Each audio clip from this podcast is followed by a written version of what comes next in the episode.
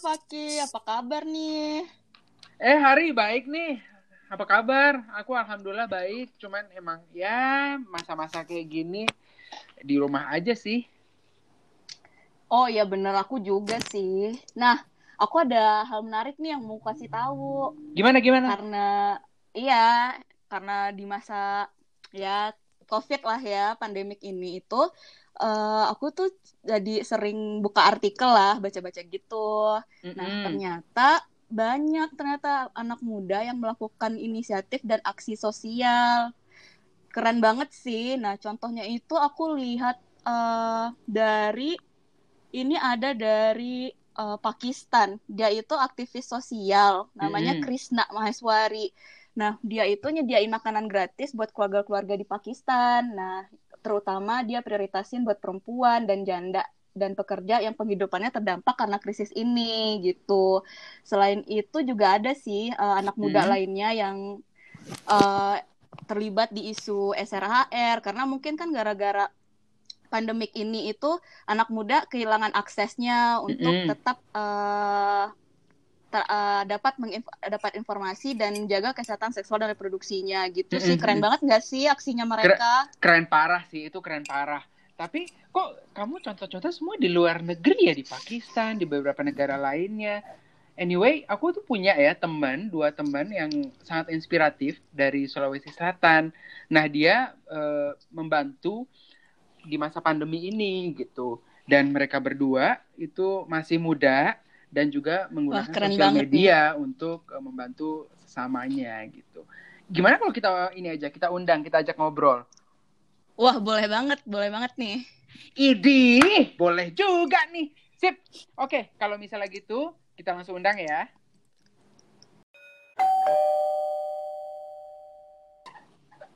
Hey, apa kabar? Hai. Halo. Halo Mas Paki. Halo. Apa kabar? Alhamdulillah Kabar. baik. Ya Allah, sehat. kabar? sehat selalu ya. Sehat, Mbak. Ya, alhamdulillah, baik. Alhamdulillah, Alhamdulillah Bapak sekalian sehat. sehat.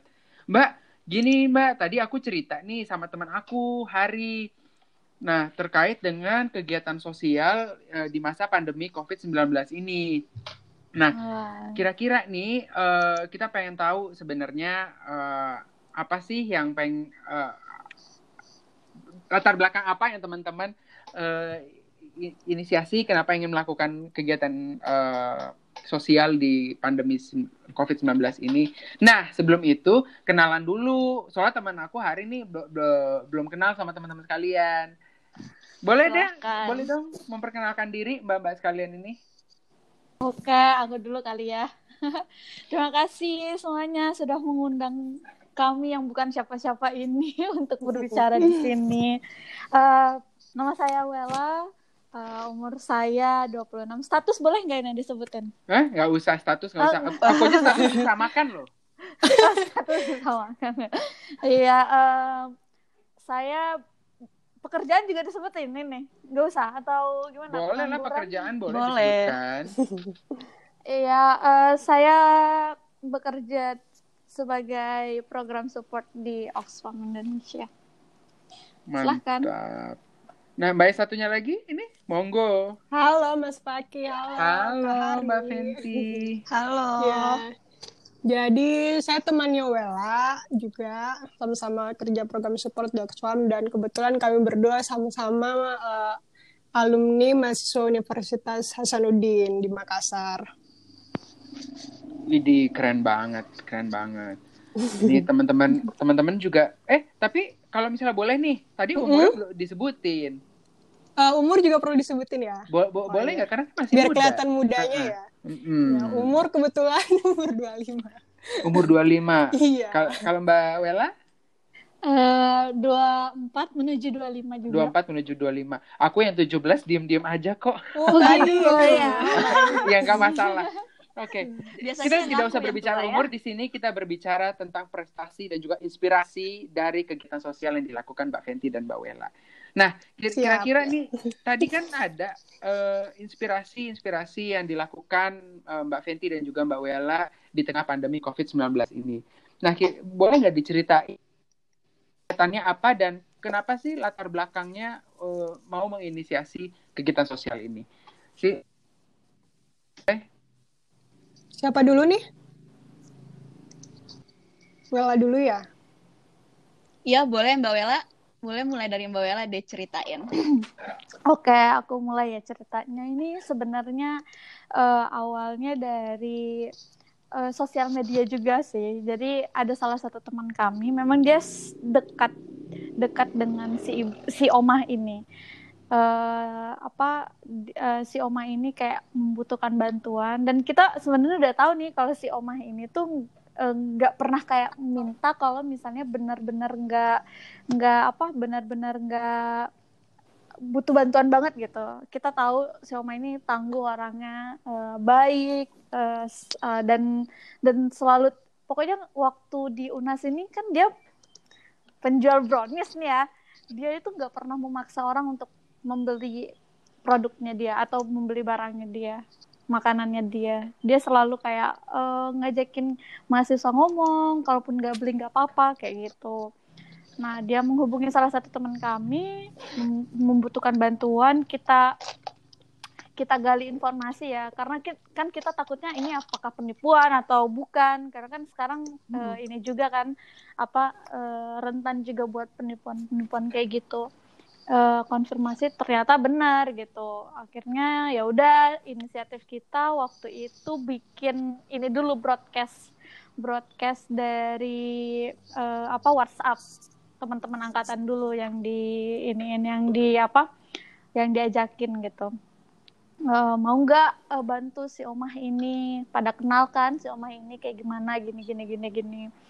Awalnya tuh kita pesimis gitu kan. Kita cuma apa uh, ininya cuma goalsnya itu cuma ya sejuta aja lah siapa tahu cukup gitu kayak gitu awalnya. Terus tapi pesimis gara-gara yang nyumbang itu yang baca baca message aku itu banyak banyak banget ada sekitar 20 orangan. Tapi yang baru nyumbang itu cuma hmm. satu yang konfirmasi. Jadi kita kayak pesimis aduh gimana ya caranya gimana ya caranya? kayak gitu. Terus um, setelah itu kita berdiskusi akhirnya ya udah deh sekarang kita ini aja expand aja ininya broadcastnya. Kita minta bantuan senior bantuan teman-teman yang lain untuk uh, broadcast ke semua semua apa angkatan dan semua jurusan. Karena nggak ada yang nggak kenal sama si omah ini kan. Terus uh, setelah itu mulai tuh berdatangan bantuan-bantuan banyak banget. Sampai kita kayak nggak ih nggak nyangka nih udah dapat 3 juta udah melebihi target gitu kan terus setelah itu gimana lagi ya Fen? Fen coba jelasin mungkin lanjut Fenty kali ya. ya. Jadi aku mungkin jelasin latar belakang kami dulu ini siapa ya. Jadi biasanya kalau di laporan itu kita sebutnya kami. Jadi kami itu uh, kumpulan mahasiswa alumni uh, Unhas Universitas Hasanuddin. Jadi berawal hmm. dari keprihatinan kita kepada Oma Oma Heni. Uh, kami itu hadir sebagai wadah dan media untuk donasi terbuka yang akan diberikan uh, kepada Oma Heni dan keluarganya. Nah, tujuan donasi terbuka ini uh, untuk membantu Oma Heni membayar awalnya karena membayar biaya rumah sakit dan kebutuhan sehari-hari beliau dan keluarganya. Nah, aku mungkin jelasin singkat profil siapa sih Oma Heni ini ya. Jadi si uh, kami kenal Oma Heni sebagai penjual kue brownies dan Eh, kue-kue tradisional Makassar gitu yang setiap harinya berkeliling di sekitaran kampus Unhas. Nah, uh, si Oma Heni ini tinggal dengan satu anak angkat dan dua cucu gitu. Terus selama masa pandemi COVID-19 ini kampus Unhas itu di diliburkan atau semuanya itu mahasiswanya dirumahkan atas imbauan pemerintah setempat untuk pembatasan sosial. Nah, uh, jadi Umayan ini menjadi salah satu pekerja sektor informal yang terdampak karena nggak bisa jualan lagi di kampus. Nah di saat bersamaan si Umayan ini tuh kena penyakit, dia punya penyakit kom, uh, stroke sama beberapa penyakit lainnya gitu ya. Terus mereka juga numpang di rumah di rumah di rumah orang dan nggak bisa dan nggak bisa bayar tunggakan kontrak juga selama beberapa bulan. Nah, awalnya karena teman kami dapat kabar yang seperti ini, terus uh, Wela juga menggali informasi tentang kebenaran uh, informasi yang kita dapatkan. Akhirnya kita berinisiasi untuk uh, membuka donasi yang awalnya uh, kita belum menargetkan berapa tetapi setelah kita uh, apa broadcast di WhatsApp dan broadcast itu tersebar ternyata uh, banyak juga uh, orang yang berdonasi gitu itu aja kalau latar belakang dari aku. Hmm, ya apa yang teman-teman lakuin sih keren banget ya. Itu nunjukin kepekaan teman-teman terhadap lingkungan sekitarnya nunjukin empati hmm. apalagi berbagi dalam peristiwa di masa-masa sulit kayak sekarang ini gitu. Nah nah kalau misalnya ini aku mau uh, mau, mau tanya yeah. nih nah penggunaan sosial media itu bagaimana teman-teman uh, sekalian baik Wela dan juga Mbak baik Wela dan Fenty itu memanfaatkan uh, hmm. sosial media untuk menyebarluaskan informasi tersebut. Hmm, Mbak betul. Wela? Oke, okay. uh, awalnya kita nggak mau ya menyebarkan lewat sosial media, hmm. lewat Instagram kayak gitu karena kita takut tanggung jawabnya itu loh besar banget gitu. Karena kan meng, apa mem, me, menggiring banyak orang untuk membantu juga itu kan kita harus bikin laporan apa segala macam itu benar-benar sulit sih buat kita. Tapi akhirnya kita percaya kalau misalnya kita maksudnya kita kita jadi trigger gitu buat orang hmm. untuk membantu itu bisa menginspirasi banyak orang juga. Karena ya, aku sebenarnya banyak uh, apa banyak banyak sih dari Twitter gitu sering nemu kayak crowdfunding juga bukan cuma kami ya maksudnya dengan jumlah hmm. yang lebih daripada kami kayak gitu sih dan penggunaan sosial media emang benar-benar efektif gitu menurutku karena uh, orang kan sekarang udah nggak bisa hidup tanpa Instagram tanpa Twitter kayak gitu sih menurutku jadi benar-benar uh, bekerja bukan bekerja ya apa ya uh, bermanfaat lah sosial media itu gampang hmm. buat kita untuk mendapatkan informasi dengan cepat kayak gitu sih. Ya, dan donasi terbuka ini juga hmm. uh, menurut kami sekaligus menjadi ruang partisipasi anak muda dalam meningkatkan kesadaran kita terhadap kegiatan sosial untuk membantu kelompok rentan dalam masa pandemi karena aku juga uh, pas masa pandemi ini tuh lihat banyak banget anak muda yang uh, buka open donasi gitu.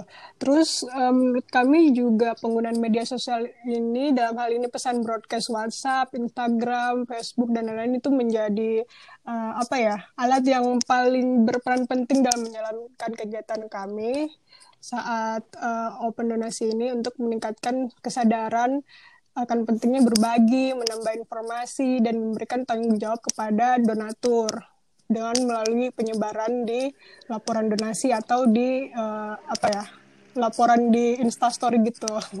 Jadi kita uh, setelah melakukan open donasi kita juga melakukan uh, apa ya transparansi kepada donatur dengan menggunakan uh, sosial media ini juga. Tuh sih Iya. Nah, tadi juga sempat jelasin teman-teman apa tadi nyebarin broadcast di iya. uh, WhatsApp. WhatsApp, di Instagram. Ya. Tapi aku yakin sih pasti ada strategi lainnya yang teman laku laku yang lakukan untuk biar uh, ada para donatur tertarik untuk memberikan hmm. donasinya gitu. Pasti ada cara di bagaimana teman-teman mungkin flyer dan hal lain sebagainya. Mungkin teman-teman bisa berbagi tentang strateginya itu. Bisa jadi ada anak muda yang hmm. mau juga lakukan lakuin crowdfunding tapi bingung nih gimana nih strateginya, apa sih yang perlu mereka persiapkan gitu. Untuk strateginya gimana ya? Mungkin kita uh, ngedesain ininya ya uh, apa flyer di Instagram. Kan biasanya uh, anak muda zaman sekarang lebih banyak menggunakan Instagram ya. Jadi kita waktu setelah bikin podcast ini dan kita emang uh, awalnya niat ya udah ya kita buka apa open donasi ini ke uh, sosial media. Yang awalnya emang kita cukup skeptis ya well ya pas awal-awal tapi setelah kita ngobrol sama teman-teman akhirnya kita setuju untuk broadcast ke uh, apa ke halayak luas. Akhirnya kita buat kayak Insta Story gitu desain uh, pakai aplikasi apa ya waktu itu ya? Flyer Ya, Canva. flyer Canva. Pakai Terus Canva. kita ya Oh, iya. strateginya itu eh, bikin yang eye catching, terus eh, narasinya juga harus yang apa ya benar-benar Singkat, biar padat, dan iya, jelas. singkat, padat dan jelas dan biar orang tuh tahu oh si Oma ini kenapa harus kita bantu gitu. Dia tuh kenapa eh, alasannya kenapa harus kita bantu. Terus eh, pemilihan apa juga ya, pemilihan warna desain kanvanya juga mungkin itu penting eh, gambar-gambarnya. Jadi biar orang percaya kalau ini tuh bukan bukan donasi tipu-tipu gitu. Kita emang pas awal-awal donasi kita langsung cross check tuh ke rumahnya Oma biar biar saat kita buat ininya apa eh, insta story-nya laporan laporan donasinya orang-orang percaya kalau sebenarnya ini kita benar-benar niat bantu Oma sampai kita ke rumahnya dulu cross check pembenaran bahwa eh, Oma ini emang benar-benar sakit dan emang benar-benar butuh bantuan kayak gitu. Mungkin tambahan dari aku dalam eh, membuat broadcast itu biasanya kita kan agak curiga, bukan curiga ya, maksudnya kayak eh, skeptis gitu sama orang karena ini apa nggak ada kon- eh, nggak ada kontak person yang bisa dihubungi kayak gitu. Jadi kita juga menaruh kontak person siapa yang bisa dihubungi dan juga eh, menje- eh, meng- apa menyertakan nomor rekening. Eh, misalnya kan kita make empat empat nomor rekening, terus kita kayak mendetailkan rekening siapa aja dan eh, si misalnya si A itu siapa sih alumni alumni Unhas yang mana sih kayak gitu. Kayak gitu sih palingan. Ya intinya eh, apa yang kita sebarkan itu harus eh, kita pertanggungjawabkan karena ini juga sebagai bentuk kepercayaan donatur kepada kami. Jadi emang benar-benar kita nyiapinnya eh, sebenarnya nggak ada persiapan, cuman kita eh, menjalaninya harus total sih kemarin. Iya. Iya, bener banget. Aku aku dengerin eh, dari tahap perencanaan teman-teman itu sudah sangat eh, komprehensif dan juga Hmm. pada saat melaksanakan kegiatannya itu menggunakan sosial media, terus juga menggunakan jaringan yang ada. Kemudian juga pada saat eh, mengevaluasi kegiatan yang ada, teman-teman juga membuat laporan dan memberikan eh, laporan itu kepada para donatur. Itu keren banget sih dan juga penggunaan sosial media dan eh, ditambah dengan kegiatan sosial yang ada.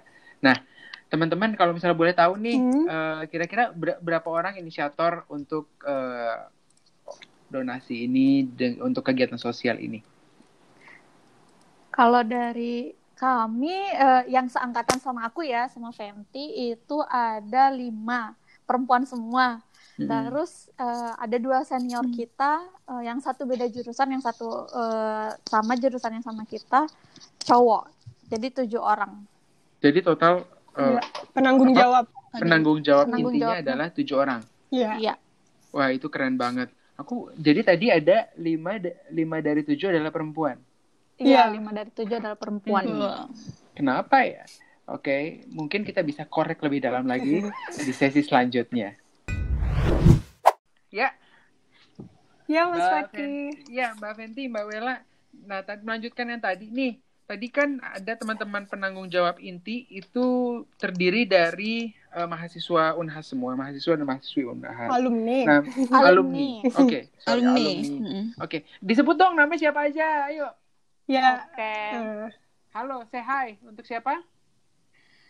Halo Pute.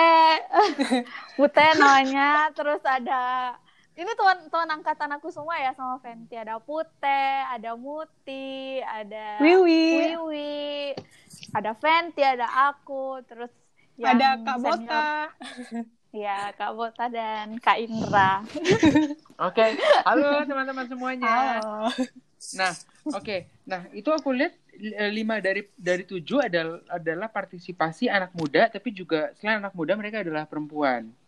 Nah, Ya. kira-kira eh, bo- apa boleh dijelaskan nggak kenapa mungkin lebih eh, teman-teman eh, anak muda perempuan lebih eh, banyak untuk berdonasi eh, melakukan kegiatan aktivitas sosial?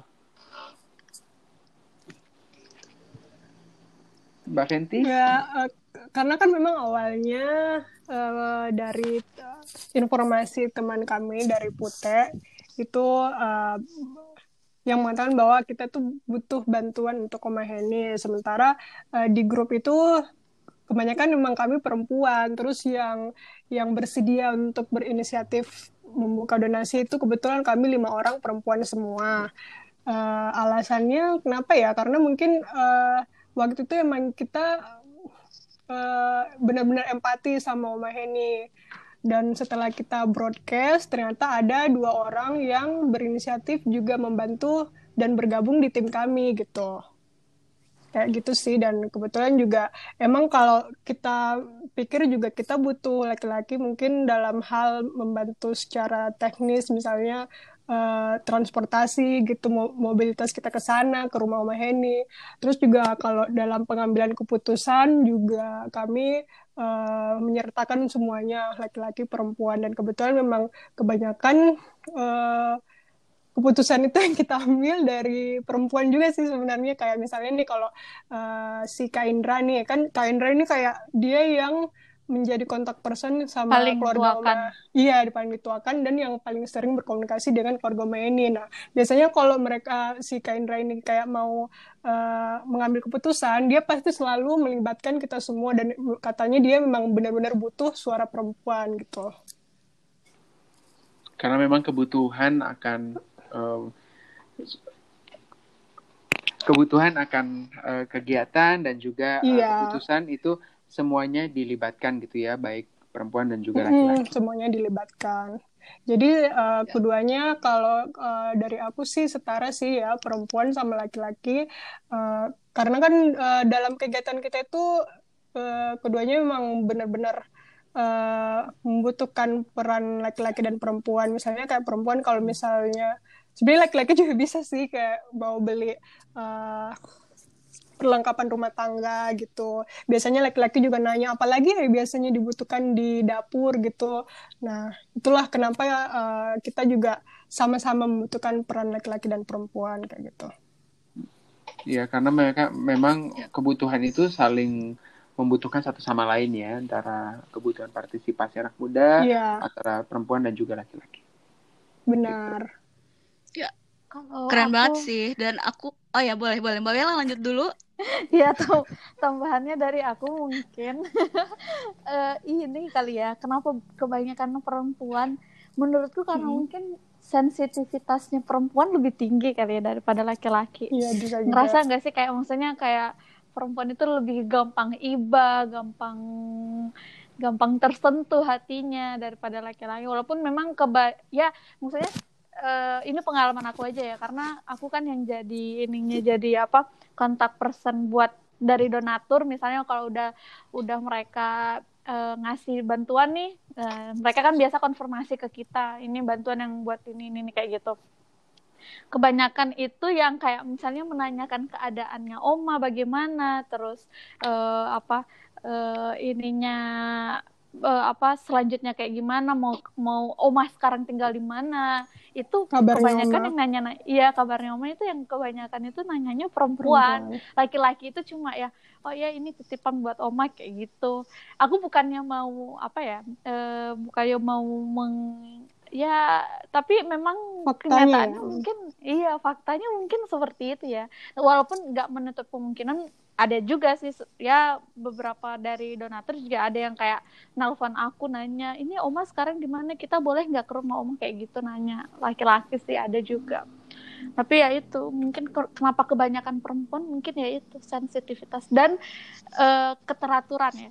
Karena ada beberapa yang aku baca orang yang buka crowdfunding itu mungkin uh, lebih percaya kepada perempuan ya karena itu. Perempuan itu punya sifat untuk apa ya membuat keteraturan-keteraturan kayak gitu. Iya.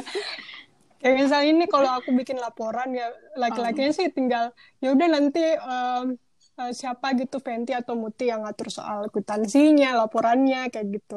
Laki-lakinya pokoknya uh, dia beli barang, sudah itu ngumpulin kwitansi, ya udah nanti perempuannya yang yang ngurusin admin-adminnya. Tapi mungkin itu stereotip juga yang terjadi mm -hmm. di Uh, apa namanya di kalangan tadi uh, kegiatan sosial itu. Karena uh, ada ada contohnya juga laki-laki mm -hmm. yang administrasinya juga oke okay dan bisa yeah, untuk uh, mengumpulkan dan merapihkan itu semua gitu. Contohnya Fakih ya kayaknya nih. Hah? Iya. Ada ada ada Faki, ada waktu itu Pak Marcel kalau nggak salah Pak Marcel. Iya. Iya. Wah, betul. Uh, betul. jadi Iya, betul memang banget. uh, dia sesuai dengan uh, standar atau SOP yang ada dan tidak mungkin tidak melihat ini perempuan laki-laki yang memang bagus administrasinya. Gitu. Dan Iya. aku denger nih dari ceritanya Wella, Mhm. Fenty, aku percaya banget nih, teman-teman sadar banget apa yang teman-teman lakuin itu uh, menunjukkan inisiatif as a young woman leader gitulah ya, sebagai seorang uh, leader dan anak muda perempuan. Um, dan apalagi uh, senang sih ngelihat gimana anak muda perempuan bisa berpartisipasi dan memiliki ruang untuk berkontribusi gitu dalam kegiatan sosial karena kan teman-teman nggak hanya disuruh tapi juga melakukan inisiatif, Inisiatif. gitu. Nah, nah kalau misalnya gitu, eh, gimana sih cara menggabungkan eh, antara partisipasi anak muda, kemudian dengan kepekaan sosial dan juga memaksimalkan eh, peran alat digital ataupun eh, smartphone yang ada. Jadi dari tiga itu bagaimana sih bisa digabungkan dan bisa sejalan? Ya, awalnya sih Boleh emang dari inisiatif kita sendiri ya. Kalau misalnya memang kita percaya dan uh, bisa ngelakuin ini ya kita lakuin aja langsung. Terus uh, kedua awareness uh, apa social awareness itu uh, bagaimana cara kita nyadarin masyarakat itu bahwa uh, sebenarnya sus- khususnya di masa pandemi ini masih banyak orang yang terdampak ya. Apalagi uh, yang kita tahu ini Oma Heni uh, orang yang kita kenal biasanya jualan di kampus sekarang udah nggak bisa jualan karena uh, masa pandemi jadi di situ kita buat uh, gunain media sosial sosial media maksud aku untuk uh, nyadarin uh, teman-teman teman-teman teman-teman lek luas bahwa uh, harusnya kita memang bergerak gitu meskipun dengan cara donasi atau uh, dengan cara membantu membantu jalannya kegiatan donasi kami kayak gitu. Jadi benar-benar uh, kita media sosial ini yang paling berperan penting dalam menjalankan uh, apa menjalankan kegiatan donasi kami plus juga meningkatkan kesadaran sosial. Kalau dari aku eh, ini sih palingan kayak benar-benar eh, menggunakan sosial media Hmm. sebagai apa ya sebagai eh, tools ya untuk menggerak karena eh, biasanya orang nggak kayak contohnya banyak teman-temanku yang udah nggak pernah chatan sama aku tapi Hmm, gara-gara baik. kemarin itu iya gara-gara kemarin eh, buka donasi itu jadinya ini jadinya kayak nanyain kabar juga eh well gimana kabarnya Jadi media Ini ada komunikasi sedih- juga ya. Iya, jadi media komunikasi juga. Jadi maksudnya hmm, gimana ya? Mungkin orang juga bakalan lebih tertarik untuk eh, apa? Sekarang kan orang kayak mau ngasih uang di jalanan, maksudnya ke peminta-minta yang ada di jalanan, pengemis yang ada di jalanan itu kayak ragu gitu, ih nanti uangnya dipakai apa kayak gitu. Nah, eh, apa salah satu penggunaan media untuk yang kayak membuka crowdfunding itu mungkin bisa jadi ini juga bisa jadi apa? Media eh, transparansi. Iya, media iya transparansi kayak gitu sih. Kalau di kon ini. Ya, eh, kayak gitu. anyway, aku tiba-tiba keinget sesuatu nih. Apa tuh? Boleh nanya nggak ya? Apa? Boleh. Boleh.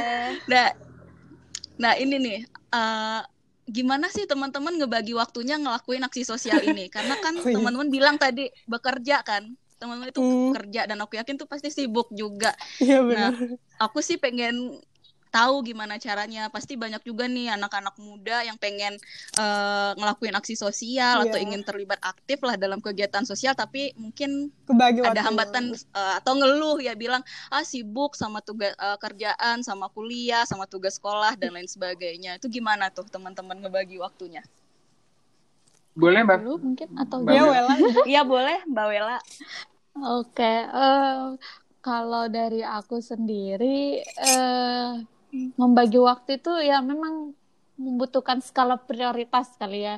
Yang mana yang duluan harus dikerjakan, pasti kewajiban dulu yang harus kita kerjakan. Walaupun memang eh, membuka crowdfunding ini juga sebagai kewajiban kita uh, untuk menyajikan laporan gitu tapi kan karena saya uh, aku juga apa nggak bisa full time uh, membantu di sana karena kebetulan hmm. aku di Bogor, di Bogor. sedangkan teman-temanku ya teman-temanku semua di Makassar yang lebih dekat ke Oma gitu jadi biasanya uh, cuma ini sih jadi perantara antara donatur sama teman-teman aja. Misalnya memastikan ini uh, donasi yang kita udah kumpulkan segini segini segini kayak gitu. Aku tiap hari ngecek itu. Tapi memang uh, ini sih uh, kalau dari aku sendiri dari dulu aku selalu terapin skala priori skala prioritas gitu. Uh, di mana pun kerjaannya, misalnya kalau ada kerjaan di kantor juga aku kayak kan selalu ada bertubi-tubi ya kerjaan itu nggak pernah ada yeah. habisnya kayak gitu ya kan? Exactly. Jadi uh, menentukan yang mana dulu yang harus bisa diselesaikan dan usahakan untuk deadline. Tapi memang kita juga ini ya Fan kalau misalnya malam-malam eh, apa uh, selalu update itu setiap malam gitu. Karena kita semua uh, ini teman-teman juga ada dua orang eh ada dua orang ada satu orang yang lagi kuliah S2 terus uh, ada yang lagi bekerja juga. Iya, ngajar. Iya, jadi kita kayak setiap jam 10 malam ayo kita Skype ini untuk apa? Untuk uh, bicarakan donasi kayak gitu sih. Dan kalau Mungkin menurut aku kan uh, kita ini generasi ini ya generasi milenial yang setahu aku tuh memang generasi milenial itu kebanyakan udah multitask gitu.